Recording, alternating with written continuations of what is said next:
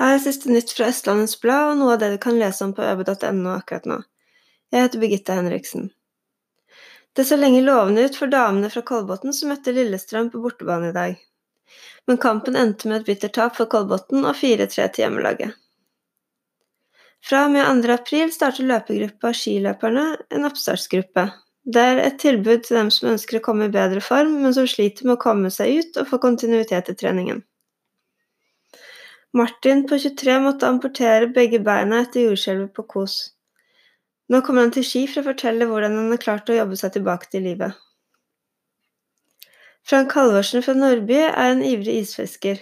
Lørdag akte han seg ut på Gjersjøen og prøvde fiskelykken, med akebrett og redningsvest. Flere tusen Tesla står nå på Hellerudsletta utenfor X-Meeting Point for mellomlagring før de skal videre ut til sine nye eiere. Så går du og venter på din nye Tesla, kan det hende at du ser den på et av bildene i saken på Østlandets Blad. Mange snudde i døra under visningen da de fikk høre at det var skjeggkre i rekkehuset på Oppegård, men med en ny bekjempelsesmetode tok det bare et par måneder få kontroll over situasjonen, og nå er boligen solgt. Nødetatene rykket ut etter melding om brann i en bolig i Frogn lørdag.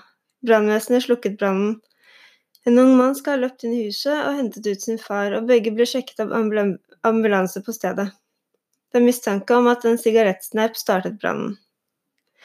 Mange unge bilførere sier at de sjekker Snapchat mens de kjører. Nå advarer både forsikringsselskap og utrykningspoliti mot den livsfarlige trenden.